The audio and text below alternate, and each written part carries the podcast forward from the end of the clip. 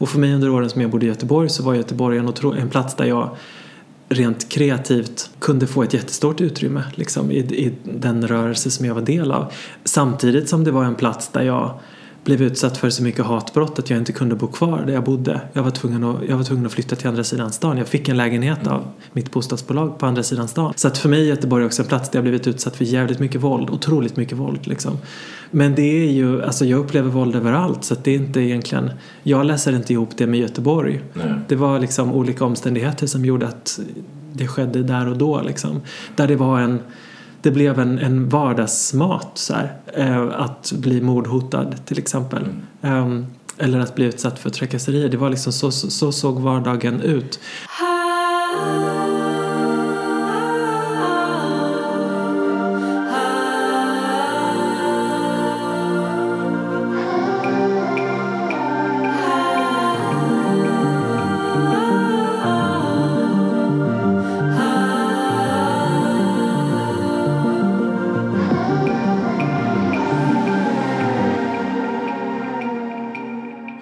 Heter Palme Lydebrand och du lyssnar på Queer Story, ett slags samtalsarkiv med olika hbtq-personers erfarenheter. I det här avsnittet har jag pratat med konstnären Safir. Vi pratar om verbalt självförsvarsmetoden Svar på tal, appen och utbildningsplattformen Privatliv, uppväxten i Växjö, om miljöaktivism, om Syrien, Tyskland, Transfest Stockholm, tredelat föräldraskap, konstnärskapet, aktivismen och det kreativa Göteborg. Stort tack till er som har lyssnat under hösten. Efter det här avsnittet så kommer vi ta en liten, liten paus. Men är tillbaka igen i mitten slash slutet av januari igen.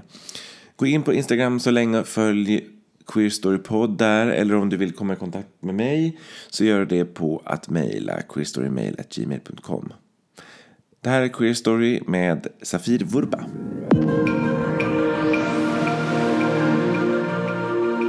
Jag heter Safir Vurba. Mitt pronomen, eller mina pronomen är Safir först och främst men jag kan också tänka mig hen. Jag jobbar som konstnär med olika projekt och verk som handlar om, om tillgänglighet och om historieberättande, om, om antirasism och feminism förstås. Berätta om Svar på tal. Vad är det för någonting? Svar på tal är ett, ett självförsvarsprojekt som sysslar med verbalt självförsvar snarare än fysiskt självförsvar. Och det, vi är ett gäng transpersoner som jobbar, som jobbar med det projektet sedan ja, ganska många år tillbaka nu. Jag tror vi började det någon gång 2000 10, 11 något sånt. Men då var det jag och en, en person som heter Jojo Stenberg. Vi jobbade på Egalia, eh, RFSL Stockholms fritidsgård som var den första fritidsgården i Sverige som riktade sig till hbtq-ungdomar. Och det var jättemånga av ungdomarna som kom till oss som ledare då och var så här, men ja, nu har jag fått den här frågan i skolan, de vill att jag ska berätta om hur det är att vara lesbisk eller de vill att jag ska berätta om så här, hur lesbiska eller homosexuella relationer funkar eller ja, men jag som är trans, de har bett mig att förklara vad det är och så vidare. Alltså många fick olika typer av utbildande frågor i skolan. Eh, men sen givetvis också jättemånga som upplevde trakasserier på olika sätt och att både folk som de kände, som de också kanske var i beroendeställning till, alltså anhöriga eller lärare och så vidare, kunde ställa jävligt obekväma frågor. Likväl som att folk på stan kunde trakassera dem på olika sätt och vara såhär, vad ska jag säga, vad ska jag svara? Det var jättemånga som kom till oss med sådana med såna frågor. Jag tänker att det är jättesvårt att vara kvicktänkt. Jag är själv ganska långsam och kan liksom komma på ett svar kanske nästa dag eller några timmar senare och ibland kan man gå tillbaka till situationen och bara hallå där, mm. nu vet jag vad jag ska svara mm. istället för att bara känna sig dum liksom. Mm. Eh, men vi insåg att jo, jo, jag naturligtvis inte hade svaren på det här men att det här är absolut någonting som man måste träna och att det är en del av att om man nu tillhör en grupp som ja, men ibland då kan vara en minoritet eller framförallt en grupp som kan bli utsatta för trakasserier eller ifrågasättanden och så vidare så ingår det så mycket i förtrycket från det normativa att man också på något sätt ska få stå till svars. Att det är en själv som, som är problemet och det är en själv som måste förklara sig eller försvara sig. Och allt det som finns runt omkring då, det, det normala eller det normativa som ifrågasätter en, det får man inte lära sig att försvara sig mot för det ingår i normen att inte vara ifrågasatt helt enkelt. Um, långt svar på den här frågan kring svar på tal men vi började då helt enkelt träna verbalt självförsvar. Vi tog upp de där situationerna och försökte hitta lösningar på ja, men hur kan man rent verbalt lösa de här då, vad kan man svara tillbaka och utvecklade en metod då som heter svar på tal där vi också förstår att olika situationer som är ohanterliga behöver kanske olika lösningar. Säg att man är ute i kollektivtrafiken och ens könsidentitet blir ifrågasatt eller man blir utsatt för rasistiska påhopp. Då kräver det en typ av svar Medan om man är i en situation där, där man kanske undervisar eller man kanske jobbar eller det kanske handlar om nära relationer och personer som man vet att så, men det här är en, jag har en långvarig relation till den här personen. Då kanske det kräver ett annat svar mm. med kanske lite mer tålamod i och så vidare. Så vi har hållit oändligt antal workshops. Framförallt i början då i ungdomssammanhang, framförallt i queera ungdomssammanhang. Och sen blev det mer och mer att det blev också i feministiska sammanhang, det blev i pride-sammanhang.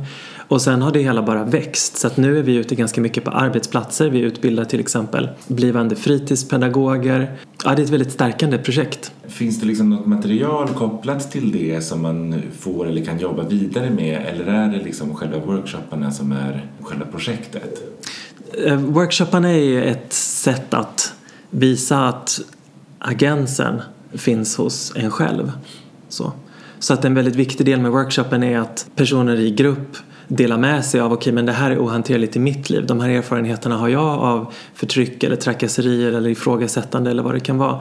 Och att andra i gruppen då kan få känna igen sig i det. Liksom att det finns en spegling och bara det är ju väldigt stärkande i sig. Mm. Så. Och kan skapa ett ökat självförtroende och så vidare.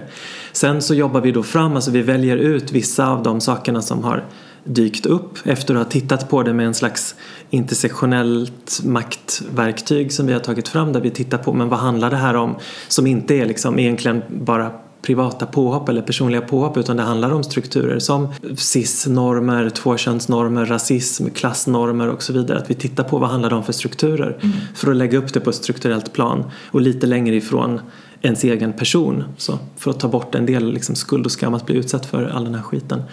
Och sen skriver vi då svar gemensamt tillsammans som vi också rollspelar och får, får in i vårt system att vi faktiskt kan svara. För många av de situationerna, jag tänker framförallt situationer som, hamnar, som handlar om mer publika situationer, alltså där man är ute i kollektivtrafiken till exempel och blir trakasserad. Eh, många gånger så är kanske den säkraste lösningen att inte säga någonting. Mm. Alltså att bara ta sig därifrån så snabbt som möjligt. Men känslan som kan följa med ändå av att så här, fan igen så sa jag ingenting för att jag inte vågade eller för att situationen var för otrygg. Men att ha gått en workshop då till exempel och veta att så här, ja, men hade situationen varit annorlunda så hade jag kunnat svara de här tio svaren. Liksom. Mm. Att det skapar mindre stress och skuld i en själv. Så sen resultatet från workshopparna samlar vi på en hemsida, svarpatal.se. Jag tänker också just den där grejen att välja att gå, är, alltså om man också vet att det är ett alternativ så blir det ju inte att smita ifrån utan det blir också att, att läsa av situationen och gå. Ja, och vi, ja. Då har man valt det, då är det en strategi för att ja. liksom klara av situationen. Ja, absolut. absolut. Vad har ni liksom fått för respons från de som har deltagit i workshopparna? Men en hel del personer kommer tillbaka och går andra workshops igen. Det vanligaste som vi får höra efter en workshop är att personer som har gått workshopen känner sig stärkta bara av det. Mm. Bara av att ha fått ja, men öppna munnen och berätta men så här ser mitt liv ut eller så här ser delar av mitt liv ut. Det, jag är alltid otroligt berörd av de här workshopparna. Liksom. Det är inte så att jag är distanserad bara för att jag har jobbat med det här jättelänge. Liksom, utan jag är så berörd av folks mod och behov att dela med sig av sin skit mm. liksom, som de upplever. Och hur stärkande det är att höra det och förstå att så här, men nu känner inte de sig själva och jag känner mig inte själv och jag har kunnat känna igen mig i många av sakerna som har sagts och så vidare. Så att det, ja, men det här öppenhjärtliga delandet det är faktiskt en jätteviktig del av, av eh, ja, men det arbetet som, som Svar på tal handlar om. Så bara det, ja men det kanske är den vanligaste kommentaren att folk känner sig mindre ensamma och att folk vet att det finns svar som de kan ge. Sen är det liksom, man får se om de ger det nästa gång liksom, mm. någonting sker men så bara vetskapen om att det är inte mitt fel Nej. att jag blir utsatt för dessa olika maktstrukturer och dessa förtryck. Det är inte mitt fel. Sen är det jätteskillnad att hålla på, vi har hållit mycket workshops på Friskis och Svettis till exempel, deras världar. Och det är en helt annan situation för där finns ju personer som kan vara väldigt privilegierade i samhället och det finns personer som absolut inte är privilegierade eller som saknar många privilegier och så vidare. Så att, att hålla den typen av blandade grupper, det är mest arbetsplatser som ber oss om den typen av jobb. En sån workshop handlar väldigt mycket om hur man kan vara en bra allierad. För har man mycket privilegier och hör någonting som sägs eller med om en situation där någon annan blir diskriminerad eller trakasserad är det faktiskt inte säkert att man själv ska kliva in som personen som har en röst och personen som minsann är medveten och mm. vet bättre och så vidare. Utan jag tänker att det handlar jättemycket om att personerna som, som är i underläge, att de ska kunna i större utsträckning försvara sig själva. Mm. Så är man då privilegierad och har en röst redan då kanske man ska stå bredvid och försöka skapa förutsättningar för att personen som det faktiskt handlar om kan ge ett eget svar. Och det där är ju, det är ju världens fingertoppskänsla och mm. kräver ju, det är ju svårt, det kräver ju jättemycket. Alltså att vara privilegierad och försöka förstå sina privilegier och se dem, sånt är ju alltid jättesvårt. Hur var din, hur var din eh, uppväxt? Ja, men mitt liv har alltid varit väldigt kantat av våld och trakasserier. Så har det sett ut ända sedan, eh, ja, men i hela mitt liv. Um, och det har också, alltså det har givetvis skapat mig jättemycket som ja, men den person jag är idag men också det jag jobbar med och den typen av ska man säga, angelägenhet. Eller liksom, alltså jag jobbar väldigt mycket där jag upplever att jag behöver vara. Och så liksom jobba med saker som jag verkligen upplever behövs. Mm. Så, för mig själv och för andra givetvis. Liksom. Men det, jag, växte upp i, jag växte upp i Växjö som eh, var fullt av nynazister. Och eh, ja, det var, det var verkligen fullt av nynazister under, under åren som jag, som jag bodde där och växte upp. När jag var yngre så blev jag väldigt rasifierad och blev utsatt för väldigt mycket rasism och väldigt mycket av liksom den, den mobbning, det våld och så som jag blev utsatt för som barn handlade om rasism framförallt. Eh, eller hade rasistiska motiv. Och sen så, ja men jag hade ju ingen bra barndom så. Massa dåliga saker som hände när jag var barn. Ja, men jag började göra revolt mot det i början, av, i början av min tonårstid. Dels så har jag alltid känt mig så otroligt inlåst i eh, de binära könsalternativen liksom, och aldrig känt mig hemma i något av dem. Försökt att vara alla möjliga, alltså jag har nog haft jackpot när det gäller liksom både könsidentiteter och sexualiteter. Jag har prövat allt tror jag. Liksom, mm. Och försökt att testa olika grejer och försökt att liksom komma fram till någonting som ska passa bra liksom. Mm. Så här, jag tänker mycket på vad Valerie Solana skriver i sitt skummanifest kring, kring sex och antisex. Att man behöver gå igenom väldigt mycket sex för att komma till antisex. Mm. Och jag tänker så kring kön mycket att jag behöver gå igenom väldigt mycket kön för att komma till antikön. Um, som också är min könsidentitet. Mm. Liksom, att jag har ett antikön, så här, antikönsidentitet. Um, som jag har landat i nu i alla fall. Liksom. Mm. Men jag har, testat, jag har testat allt helt enkelt. Ja men som, som barn så var jag eh, jag var ganska feminin, eller liksom lästes ganska feminint. Liksom. Men folk som mobbade mig och trakasserade mig som, som barn var väldigt inriktade på att jag var blatte. Eh, och att jag hade ett namn som inte gick att uttala. Liksom. Det var framförallt det så här, i, ja, men då liksom, i 80-talets Växjö som trakasserierna kretsade kring. Och när jag kom upp så här, ja, men började gå på högstadiet och så vidare så det fanns mycket aktiva nazister på min skola som verkligen hade mig som måltavla. Men också i början av tonåren så började jag göra revolt mot eh, Alltså både liksom yttre värld, eller vad man ska säga, förtryck mot mig, trakasserier mot mig men också liksom min, min inre värld som var mycket rikare än vad jag kunde ge uttryck för utåt. Och att jag verkligen inte kände mig hemma i tvåkönsnormen. Och jag lärde mig sy när jag var 13 och mm. det var en sån där jätteviktig händelse i mitt liv att jag lärde, ja men att jag hade mycket större möjlighet att uttrycka mig rent utseendemässigt. Jag sydde alla mina kläder sen i många år framåt. Nu, nu är jag lite latare eller har mindre tid liksom så jag syr det mest nödvändiga liksom. Ehm, men jag sydde allt liksom, och fick också den typen av uttryck som jag, som jag ville. Men det gjorde också att jag, jag var väldigt könsöverskridande eller liksom var, var svårkönad för folk. Och det gjorde också att, så här, att det rasistiska förtryck som jag utsattes för byttes mer och mer ut mot ett transfobiskt förtryck. Ehm, så, och mobbningen och våldet som jag upplevde sen handlade mycket mer om min könsidentitet och, mm. och som då Alltså då fanns ju knappt ens ordet könsidentitet liksom. Vi pratar början av 90-talet. Utan det, folk var ju väldigt inriktade på att jag var homo. Och det trodde jag ju själv länge att jag var för att det var det enda liksom, begrepp som jag hade då. Liksom. Jag kände mig verkligen inte hemma i hur folk uppfattade min kropp. Jag kände mig inte hemma i hur man förväntades vara som ett binärt kön.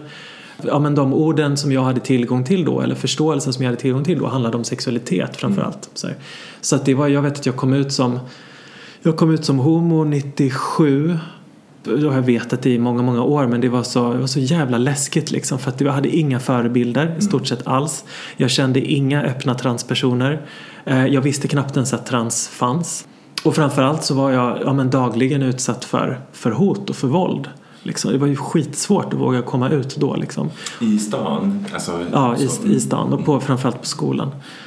Eh, och liksom konsekvensen när jag kom ut var också att jag blev utkastad hemifrån och liksom blev utsatt för jättemycket liksom hedersskit där liksom kring att jag var skam för släkten och så vidare. Så det var, det var väldigt, väldigt tuffa, tuffa år att försöka, att försöka hantera. Mm. Sen blev jag väldigt politiskt engagerad i början av tonåren så att jag hade liksom hela tiden en parallell värld som låg helt utanför min skola och de sammanhangen. Och jag var engagerad i, inom eh, miljöaktivism och djuret framförallt. Så att jag hade ett ganska så ja, men ett relativt safe community som jag var del av liksom under hela min tonårstid och där jag också, som givetvis var också homofobt och transfobt men det här låter jätteidealistiskt men vilka vi var i de här grupperna var relativt sekundärt för att vi jobbade med frågor som inte handlade om oss egentligen utan vi jobbade med frågor som handlade om djurrätt till exempel och vi jobbade med frågor som handlar om ja, men olika typer av miljöproblem alltså som givetvis är kopplade till oss människor liksom men det handlade inte riktigt specifikt om så här ökade rättigheter för oss som personer. Och det gjorde också att det gick att ta en hel del av den strukturella skit som fanns i de grupperna kring homofobi, kring rasism och transfobi och så vidare för att vi ändå jobbade jobbade med någonting som var utanför oss. Så, här. så för mig var det jättemycket en frizon. Um, att kunna hålla på med det under tonåren, det var verkligen en överlevnadsstrategi. Um, att känna att jag ändå hade liksom ett, mitt liv hade ett syfte, jag kunde hålla på med saker och ting som jag brann för. Liksom. Sen har det blivit, mm, alltså efter att jag fyllde 20 och så vidare liksom, um, så har också mycket av, av det politiska arbetet som jag har hållit på med liksom, inkluderat mer och mer uh, queera och transrättigheter till exempel och um, ja, men, jobba mer åt det hållet och kanske mindre med just med miljöaktivism och sånt nu för tiden. Hur länge bodde du kvar i Växjö? Jag bodde rätt så jag var 19. Alltså sen begav jag mig ut på jag var så, jag var så otroligt mätt på så här, Växjö, på nazister, på ja, men, allt trassel kring min uppväxtfamilj som jag inte fick, där jag inte fick bo kvar. Och, alltså, det var verkligen det var en sörja med massa olika saker, en soppa liksom. Så jag var så här, nej men nu skiter jag i det här, jag skiter i Sverige nu, jag, liksom, jag ber mig härifrån helt mm. enkelt. Och jag hade nästan inga pengar och det var, alltså, jag var ju en precis i slutet av min tonår liksom. Men jag började lyfta till Sydafrika och tänkte så här, jag åker så långt bort jag kan, landvägen och ser vad som händer typ. Eh, men jag fastnade i Mellanöstern ehm, och stannade där i ett och ett halvt år. Ehm, och gjorde massa saker som ja, men både var bra för mig och dåliga för mig. Liksom. Men, så här, men jag, jag, jag, kunde skapa små öar av frizoner helt enkelt. Där jag kunde på något sätt liksom få, få starta på en helt blank sida och kunna bli bemött på sätt som jag inte kunde bli bemött tidigare mm. och så vidare. Och väldigt mycket av det handlade om liksom min transidentitet och, och så. Otroligt värdefulla, värdefull tid. Så. Mm. Är det liksom en specifik plats som du var på i ett och ett halvt år eller var du omkring så att säga? Jag var omkring mycket. Jag var mycket i Syrien. Mm. Ehm, jag var mycket i Egypten och sen var jag väldigt mycket i Israel också. Jag mm. var framförallt i Tel Aviv. Eh, som ju då hade en, eller har väl fortfarande liksom en, en stor dragscen som betydde jättemycket för mig. Liksom, att få vara i, så här, ja, men i, i ett sammanhang med andra personer som kanske inte nödvändigtvis identifierade sig som trans men som ändå förhöll sig väldigt kreativt till könsuttryck och så vidare som jag inte hade upplevt tidigare. Liksom. Sen är Israel en otroligt liksom, problematisk plats att jag vill inte bara prata om hur, ja, men hur bra dragscenen var där i början av 2000-talet liksom, för att Israel använder ju också jättemycket av deras ja, men rätt chimära hbtq-rättigheter för att rosa tvätta ockupationen av Palestina liksom, och det tycker jag är jätteviktigt att säga i sammanhanget men, men för mig där och då så var det en väldigt viktig plats. Mm. Um, och så småningom sen så hamnade jag i Tyskland och bodde där och var väldigt samhällsfrånvänd och liksom levde utan pengar i, ett, i en husvagn. Ja, det var verkligen en annorlunda livsstil från vad jag har idag men det var verkligen, ja men jag var så jävla trött på samhället helt enkelt. Jag är, alltså jag hade en relation med en som bodde i Tyskland under min tonår och sådär men jag var, när jag flyttade dit så var jag 21 och så bodde jag där i några år samtidigt som jag också liksom testbodde lite i Göteborg. Mm. Jag kom till Göteborg samtidigt som precis när EU-toppmötet var och mm. kände bara så men shit den här organiseringen. Alltså jag hade sån otrolig tur att vara på rätt ställe vid rätt tidpunkt så att allt det polisvåld som jättemånga drabbades av där och blev väldigt traumatiserade av var inte jag i närheten av utan för mig så var Göteborg Och EU-toppmötet var liksom, ja, men den största politiska liksom, massmobilisering som jag någonsin har upplevt. Och liksom, det var, för mig var det så fantastiskt att se så många människor som var så jävla engagerade i saker och ting. Liksom. Och som verkligen kände så här, vilken, hur angeläget det var, hur bråttom det var att försöka ställa saker till rätta och så vidare. Det var, en otroligt stark upplevelse.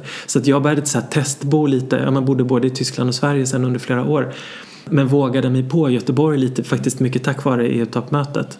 Ehm, sen var otroligt många aktivister blev ju väldigt traumatiserade eh, av EU-toppmötet. För du var ändå med och ehm, demonstrerade mot, Det var inte som att du stod utanför? Nej, nej, nej, nej, nej, absolut inte. Absolut inte. Jag menar, det var ju jättemycket miljöfrågor till exempel som var uppe på agendan kring det, kring det mötet. Liksom.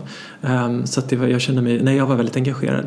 Men åren efteråt sen så, några som inte tog en time-out, vad man ska säga, från, från organisering var eh, queer-aktivismen i Göteborg. Liksom. Den, den fortsatte vara livaktig även efter EU-toppmötet. Liksom. Det var många, som var så, många aktivistgrupper som var så traumatiserade att de behövde ligga lågt i ganska många år och liksom läka sina trauman först. Så här.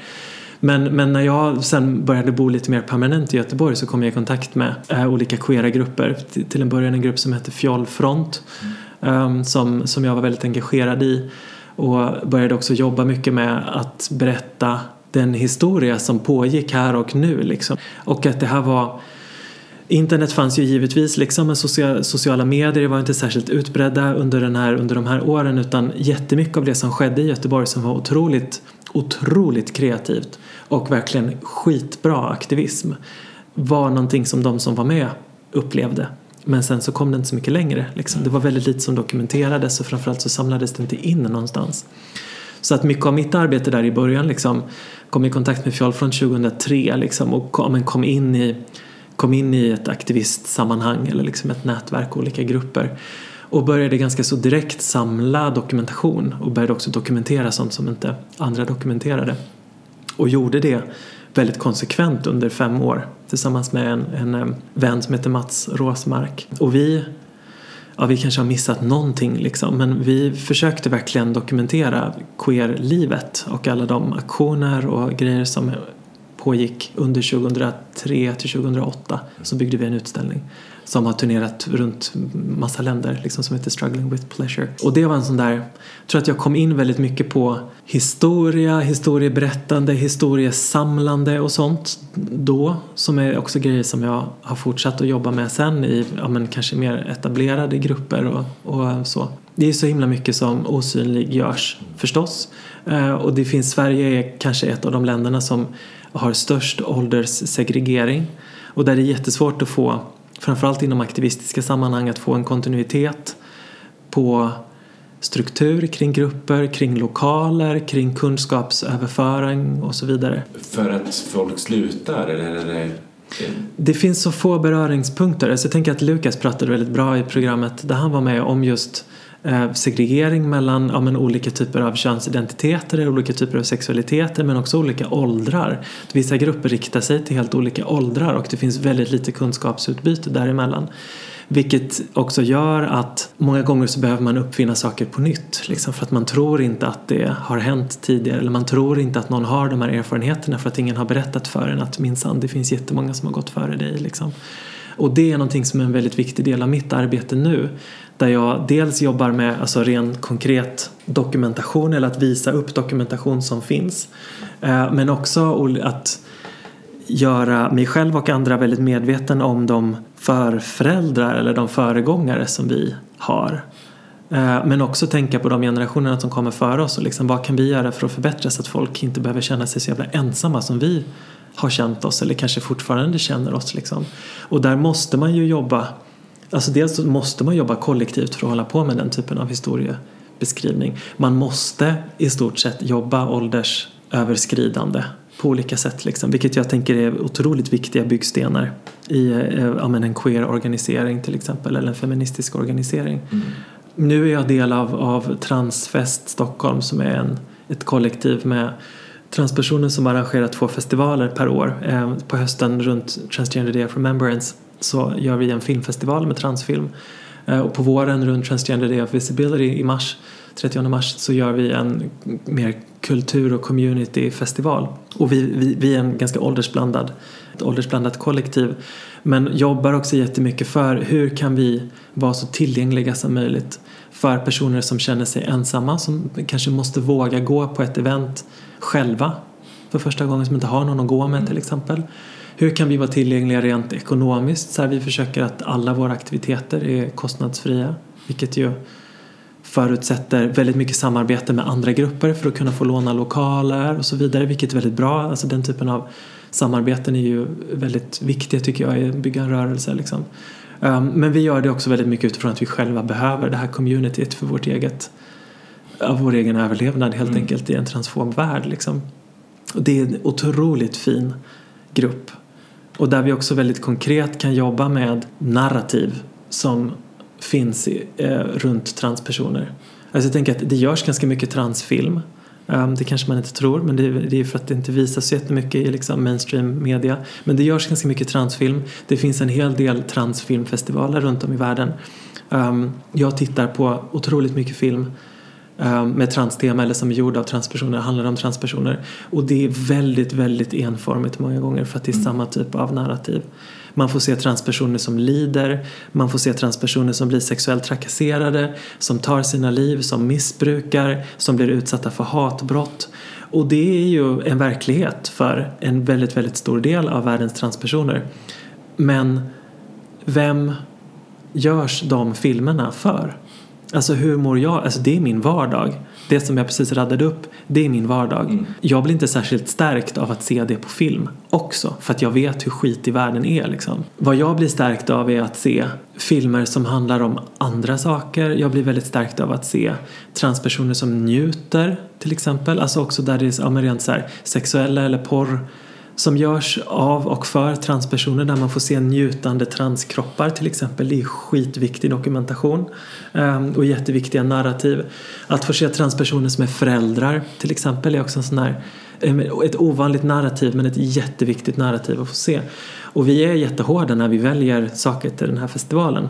Ett annat väldigt vanligt narrativ är transpersoner som gör filmer om sina föräldrar och som handlar om föräldrarnas reaktioner på när de kommer ut som trans. Mm. Och då finns det ju en hel del så här den lyckliga familjen narrativ där föräldrarna i början inte accepterar det men sen lär sig att acceptera och också kan tänka sig att vara med på film och prata om jo men i början så tyckte jag att det var svårt när, när, när den här personen kom ut som kille och men nu har jag lärt mig att acceptera det och så vidare. Alltså det finns tusentals med den typen av filmer, alltså med mm. den typen av berättelser som är ganska dokumentära där transpersonen själv har gjort en film om sina föräldrar och det, jag, jag fattar varför man gör det liksom. Jag fattar att det, det är ovanligt mm. att ens föräldrar accepterar en.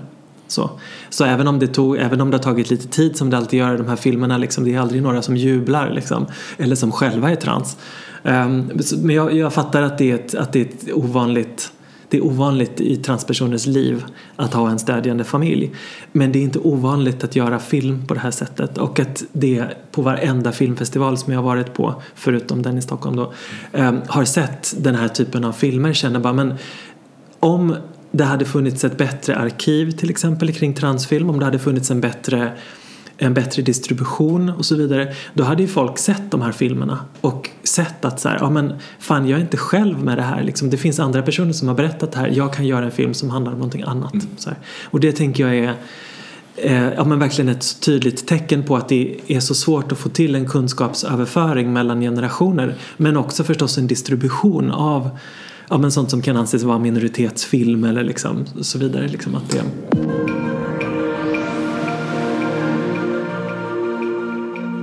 Hur hittade du in i konsten? Var det via liksom sy, syandet? Vad säger man?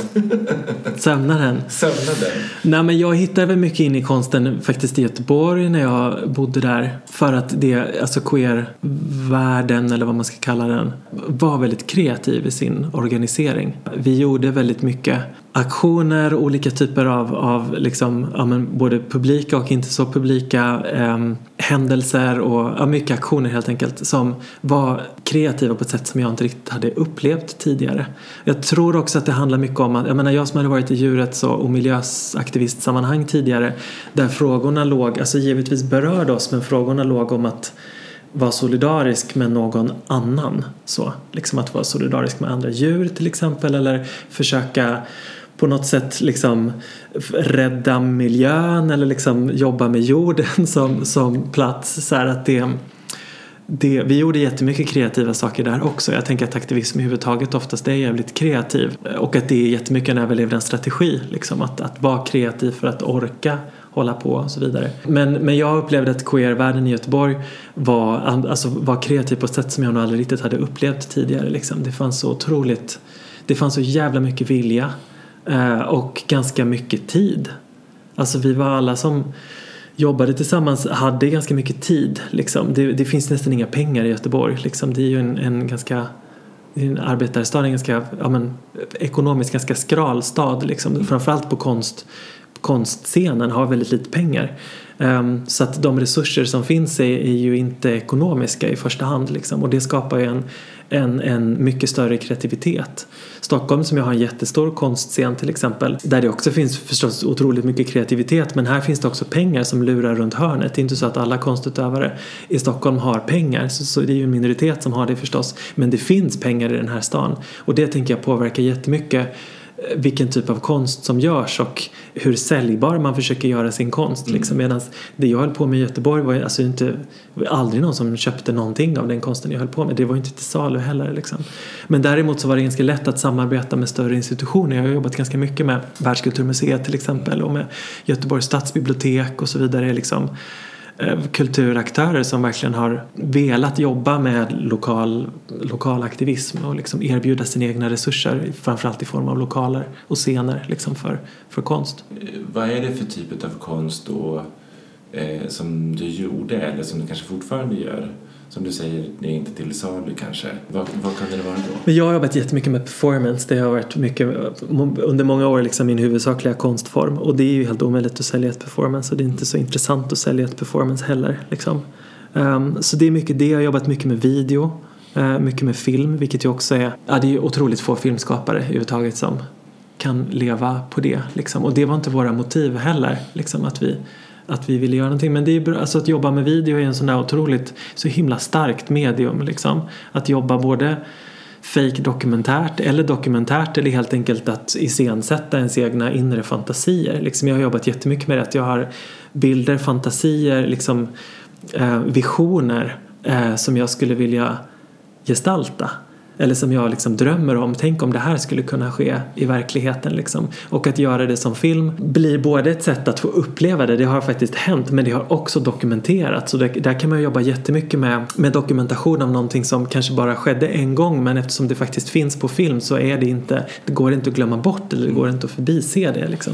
Så för mig så har just videomediet varit en sån där, man både kan jobba med att iscensätta, förverkliga en vision samtidigt som den direkt blir dokumenterad. Liksom. Det är ett jätte Ja, för mig är det ett otroligt um, effektivt medium på det sättet. Så video är någonting som jag fortfarande är, ja men det kanske är egentligen mitt primära medium rent konstnärligt som jag, som jag håller på med just för den dokumentära kvaliteten som det har med sig. Det är så roligt tycker jag att höra det här om Göteborg. Eh, just eftersom stan har ju ett ganska, har ju ett rykte av att inte liksom vara så vibrerande i sin, liksom, eller vibrerande kanske fel ord, men så öppen. Men jag blir väldigt glad av att höra det. Eller är det en gammal, är det en gammal etikett som man håller fast vid när det gäller Göteborg? Alltså det är, fan världen suger överallt så känner jag ganska mycket liksom. Jag tänker att det inte finns platser som är så himla mycket bättre än andra och så vidare.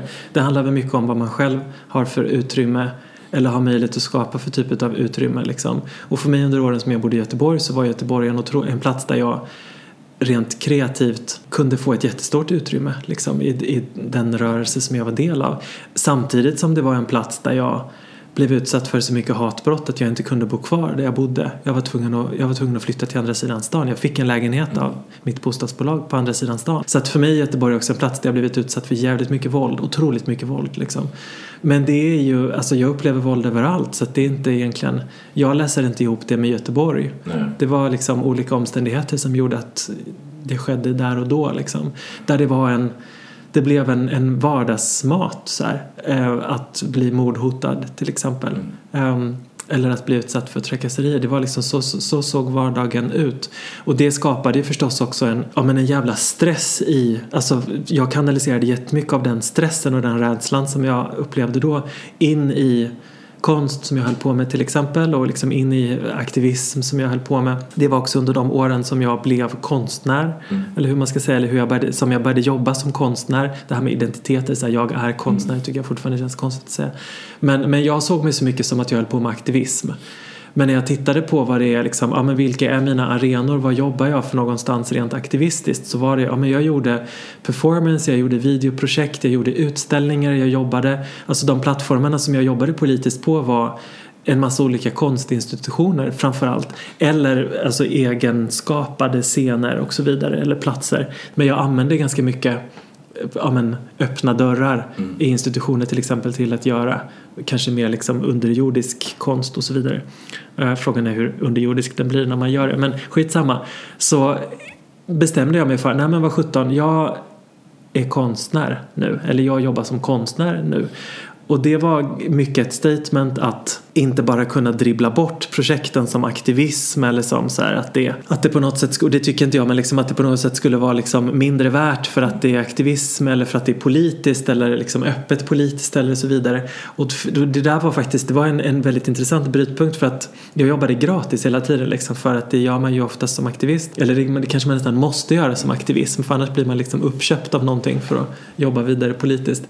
Men redan liksom veckan efter jag bestämde mig för att vad 17 nu jobbar jag som konstnär, är det faktiskt det jag jobbar med. Då blev jag helt plötsligt erbjuden mer pengar för saker och ting. Liksom, så här.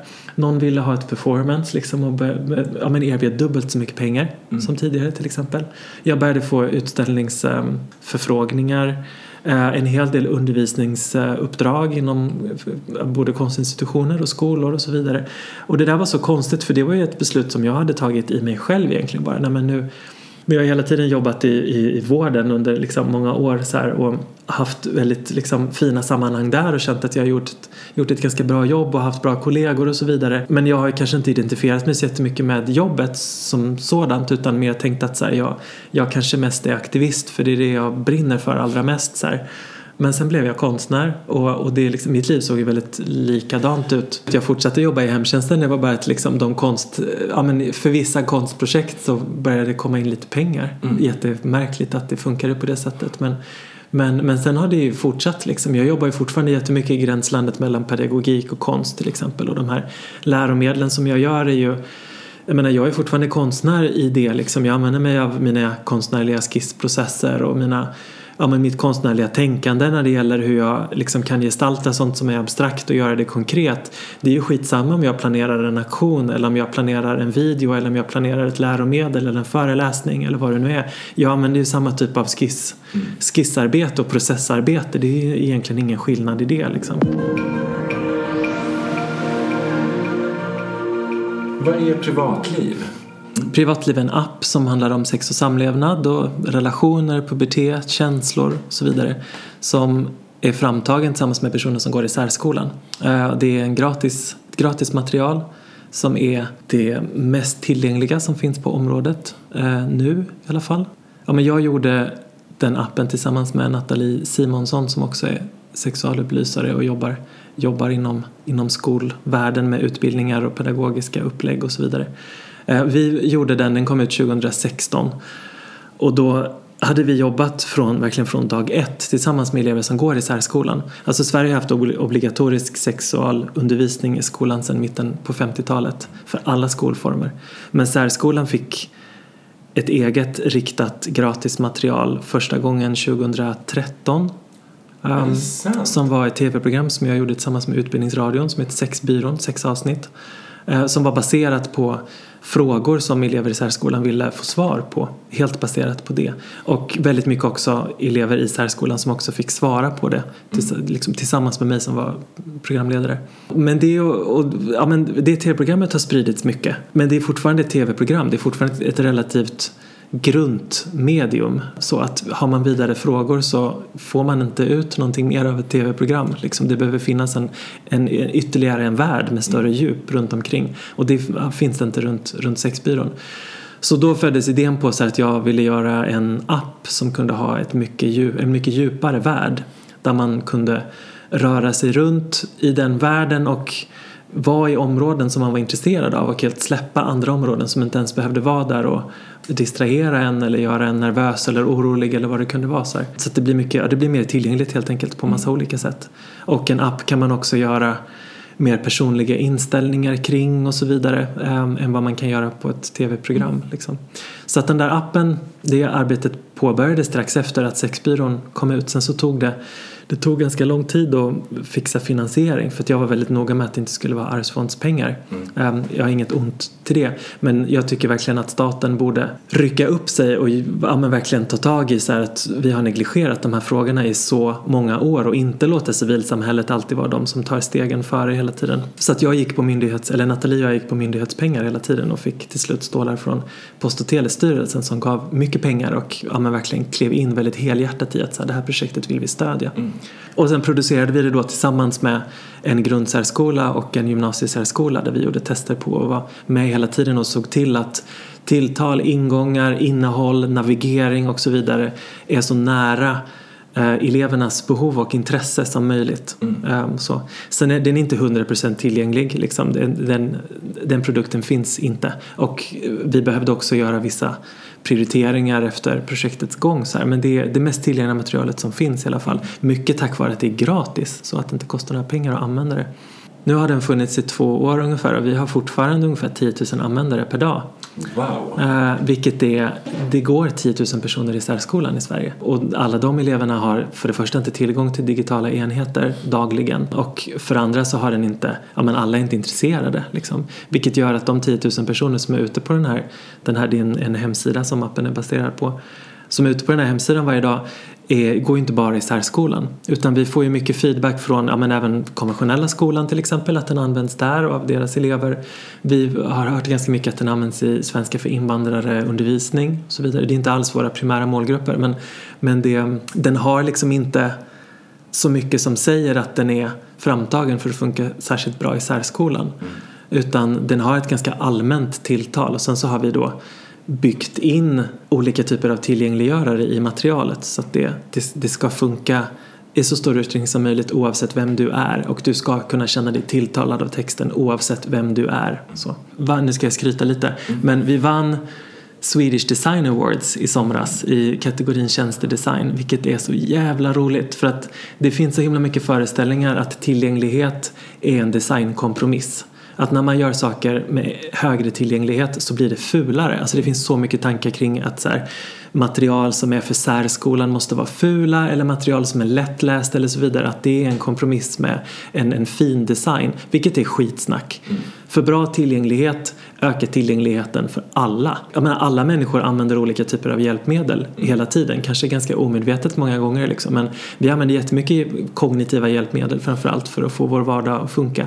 Och där väldigt mycket av den designen är utformad för att det ska vara kognit kognitivt tillgängligt för oss. Så.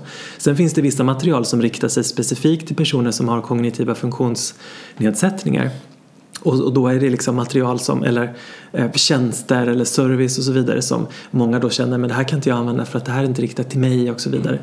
Och det som är så fint då är att det här priset som vi fick faktiskt är ett designpris. Det är inte ett pris i mänskliga rättigheter eller pedagogik eller ja, men att vi gör ett jättebra arbete för personer med funktionsnedsättningar utan det är vi är helt enkelt bäst på servicedesign mm. i Sverige just nu. Eh, och det är en sån himla seger att få upp ett material som handlar om tillgänglighet som handlar om personer med funktionsnedsättningar och som handlar om sexualitet. Alltså så här, hur många tabuämnen som helst, framförallt i kombination. Och få ett designpris. Det, det, ja, jag skryter lite nu men det är så jävla roligt att vinna det alltså. Men nu, då, är du, då är din bas mest i Stockholm. Ja, men jag bor i Stockholm sedan snart tio år tillbaka. Och, um, ja, jag jobbar fortfarande på andra, på andra ställen men jag är ganska mycket här. Och jag är fortfarande ganska mycket i Göteborg. Men det handlar också om att så här, i mitt liv nu så finns det barn till exempel vilket också gör att det, jag kan inte resa lika länge. Det hindrar mig inte på något sätt. Liksom. Mina barn är, är, verkligen en, ja, men är verkligen en del av mitt liv. Liksom. Ett resultat av mitt liv också kan man ju säga. Och är otroligt inspirerande sätt att försöka förverkliga idéer som jag har kring antikön till exempel. Eller liksom olika feministiska idéer som jag har kring familjer och barnuppfostran och liksom ett, ja, men, det här arbetet kring att försöka bryta ner ålderssegregering och sånt är väldigt, eh, det blir väldigt konkret när det finns små barn med som också behöver följa med på ställen till exempel. Det är ju en tillgänglighetsfråga jättemånga gånger liksom, att så här, är ett ställen tillräckligt säkra för barn? Um, eller tillräckligt, tillräckligt trygga ska man kanske säga. Det är bra frågor att ställa sig tänker jag. Jag tänker att queerlivet, framförallt i en storstad, många gånger kretsar kring så här ett uteliv eller kretsar kring liksom ställen där det konsumeras alkohol eller andra droger. Ja, men där fest blir ett avbrott från kanske den så här, ja, men vardagen som kanske innehåller eh, trakasserier eller tvångskönande eller homofobi eller vad det nu kan vara för någonting och, så här, och det lilla trygga queera den, det där queera rummet vi kan gå till i form av en klubb eller en bar eller något sånt där blir liksom den där, det där frihetsrummet. Men barn är inte välkomna där till exempel. Och vilka andra grupper är det som inte känner sig tilltalade, känner sig trygga i det sammanhanget? Liksom, så här. Och det tänker jag är jätteviktiga frågor att ställa sig och som man tvingas ställa sig. Ja, men om personer som blir föräldrar till exempel behöver ställa sig det. Okej, okay, men om, om alla mina vänner ses på den här den enda queera baren som finns om man har tur att det finns en sån i stan där man bor. Vad, vad finns det då för andra mötesplatser och så vidare och det tycker jag är jävligt intressant och jag har blivit tvungen att tänka kring det liksom sen jag själv blev förälder. Är det två barn? Alltså det beror lite på hur man räknar mm. men det är en så svår fråga det, hur många barn har du egentligen? Ja men kanske mellan ett och tre. Men jag bor, jag bor, i, jag bor primärt i Stockholm mm. eh, tillsammans med ett barn som är sex år som heter Rio. Eh, och eh, Rios två andra föräldrar eh, som heter Cal och Mina. Vi bor tillsammans i, i Stockholm och är heltidsfamilj. Vi delar väldigt lika, så här, en tredjedel ansvar var. Så det är, väldigt, det är väldigt uppdelat även om vi också delar hushåll och liksom hem och så. Mm. Sen har jag också en extra familj i Göteborg som består av, av två vuxna och två barn. Och de försöker jag träffa så mycket som det bara går. Så, och försöker också få barnen att träffas så mycket som det bara går. Barnen är, är halvsyskon eh, rent genetiskt men kanske mer relaterat till varandra som kusiner. Så här, det kanske är en bättre Liksom, det ligger lite närmare kring hur, hur, de, hur deras relationer ser ut. Barnen i Göteborg är ett och fem mm. eh, så, och, och Rio i Stockholm är sex år. I queer-communityt så det finns inte jättemycket barn. Framförallt och i trans-communityt finns det ännu färre barn. Mm. Liksom. Det är jättemånga som, som inte känner att de får eller kan eller vill för den delen skaffa barn heller. Och det tänker jag är en tänker att det är en frihet att inte känna sig nödvändigtvis tvungen att skaffa barn liksom. Och många som skaffar barn uppfyller också då liksom kanske omvärldens förväntningar på en som människa eller som vuxen och så vidare och får också, alltså dels att man får mer ja, men kanske får mer respekt och mer privilegier av, av omgivningen men jag tänker också att man riskerar att så här, avradikaliseras. Eh, alltså många gånger kanske mot sin egen vilja liksom för att man faktiskt uppfyller en otroligt viktig norm i att föröka sig. Så. För mig har det varit så otroligt viktigt att inte skaffa barn inom en romantisk relation till exempel utan att skaffa barn tillsammans med personer som jag har liknande politiska värderingar som. Så att vi fortsätter att vara feministiska även när, när vi har blivit föräldrar. Att vi, att vi fortsätter att vara queera i vår maktanalys. Att vi fortsätter att försöka skapa en könsneutral frizon på något sätt för barnen att växa upp i. Liksom, där vi vill öka deras egna möjligheter att definiera sig själva och få välja själva och få testa själva och så vidare. Um, och det har varit så, ja men något av det viktigaste arbetet jag har gjort tror jag är liksom faktiskt att kunna bygga den familjen som jag har nu i Stockholm liksom, som verkligen är byggd på feministiska värderingar snarare än andra typer av gemensamheter. Liksom.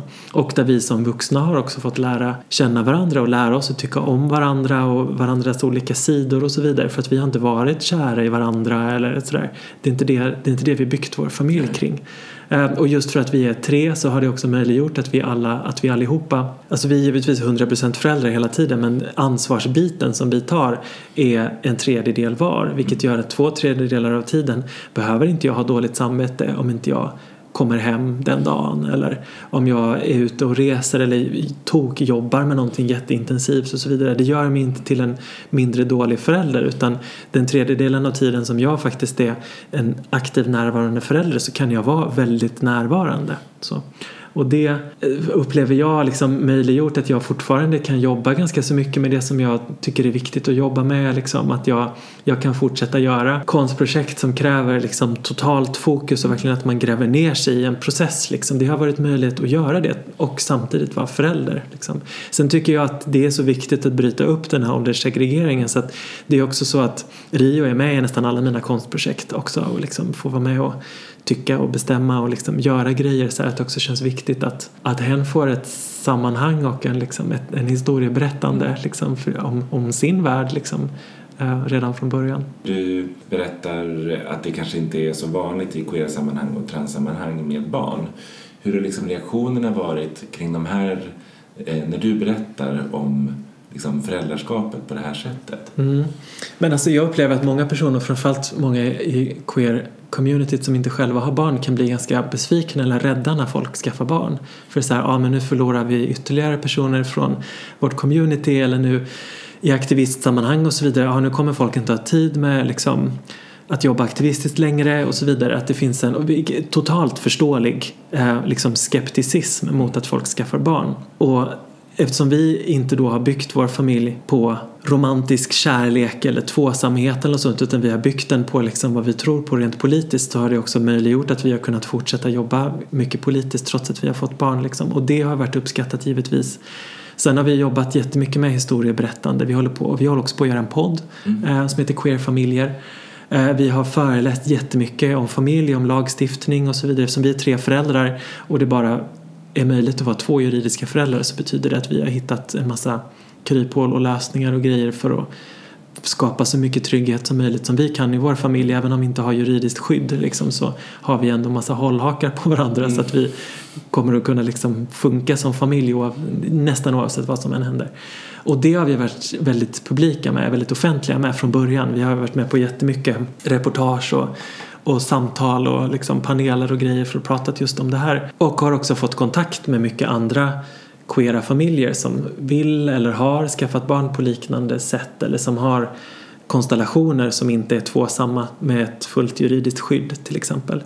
Vi är inte på något vis först med att göra det här men vi har varit väldigt publika från början och vi har också inte halkat in på att bli liksom en, en familj som består av fler än två vuxna utan så har vi byggt det redan från första början så vi har också varit väldigt beredda på hur vi ska organisera oss som familj. Mm. Så. Och jag har också testat tidigare i andra konstellationer som inte har funkat och sådär så att vi har mycket erfarenheter av liksom vad, vad vi verkligen behöver tänka på. Um, och det har jag upplevt är jätteuppskattat. Mm. Alltså det är folk som inte jag känner som hör av sig med allt från att de vill att jag ska medla i konflikter till att de undrar hur gör man och liksom det mest gränslösa är folk som jag inte känner som skriver frågan om de kan få sperma. bara, hur vet du om jag har det? det är intressant. Det är, ja, folk är ju, men det är ju alltså, gud vad folk vill veta och ja. vad folk letar och inte vet vad de ska leta. Liksom. Ja, så det, det verkligen visar på nödvändigheten av dokumentation och mm. historieberättande och spridning och den här kunskapsöverföringen liksom, som, som många gånger saknas. Vad, vad, om du skulle få välja helt fritt ifrån ditt liv Finns det någon särskild situation som du skulle vilja se gestaltad på något sätt? Alltså tack och lov så har jag ganska fotografiskt minne så jag mm. kommer ihåg. För mig så är mitt liv väldigt mycket en film redan. Men det som skulle göra sig jävligt bra på film är nog faktiskt den tiden som jag var i Syrien. Det här var ju liksom 2000, början av 2000 och jag hade ett antal kärleksaffärer då med lite olika personer, både personer som bodde i Syrien och också en, en eh, amerikansk jude som jag träffade också som var där. Um, så på runtresa eller vad man ska säga så, som jag hade kärleksaffärer med.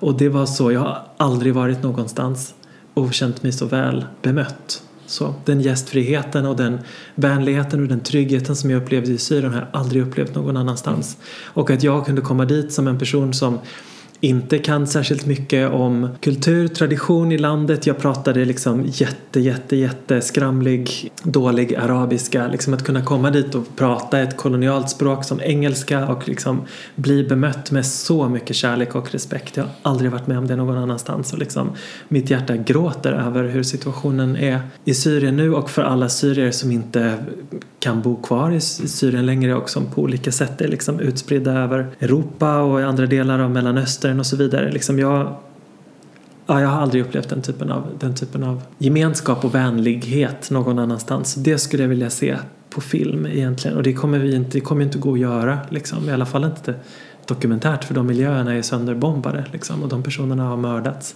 i stort sett. Men det får mig jättemycket att tänka kring liksom, så här, hur hur tar vi hand om personer som kommer till Sverige idag? Liksom? Hur, hur bemöter vi personer som inte pratar vårt språk? Eller som eh, pratar ett eh, europeiskt språk till exempel.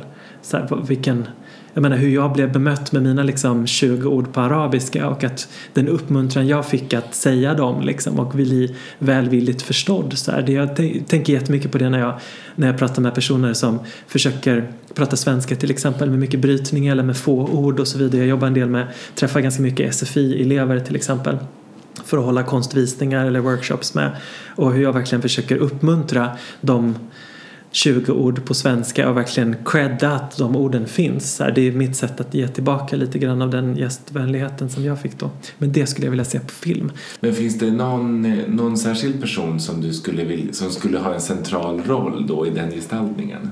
Nej, jag tror att staden Aleppo skulle ha ganska central. Det är verkligen en helt magisk stad alltså, eller var en helt magisk stad. Så jag tror att den staden som sådan, det är kanske den vänligaste platsen på jorden som jag har upplevt. Um, så den staden skulle nog ha en central gestalt tror jag. Mm. Tack snälla du för att jag har fått prata med dig. Ja, tack. Tack att jag får vara med också.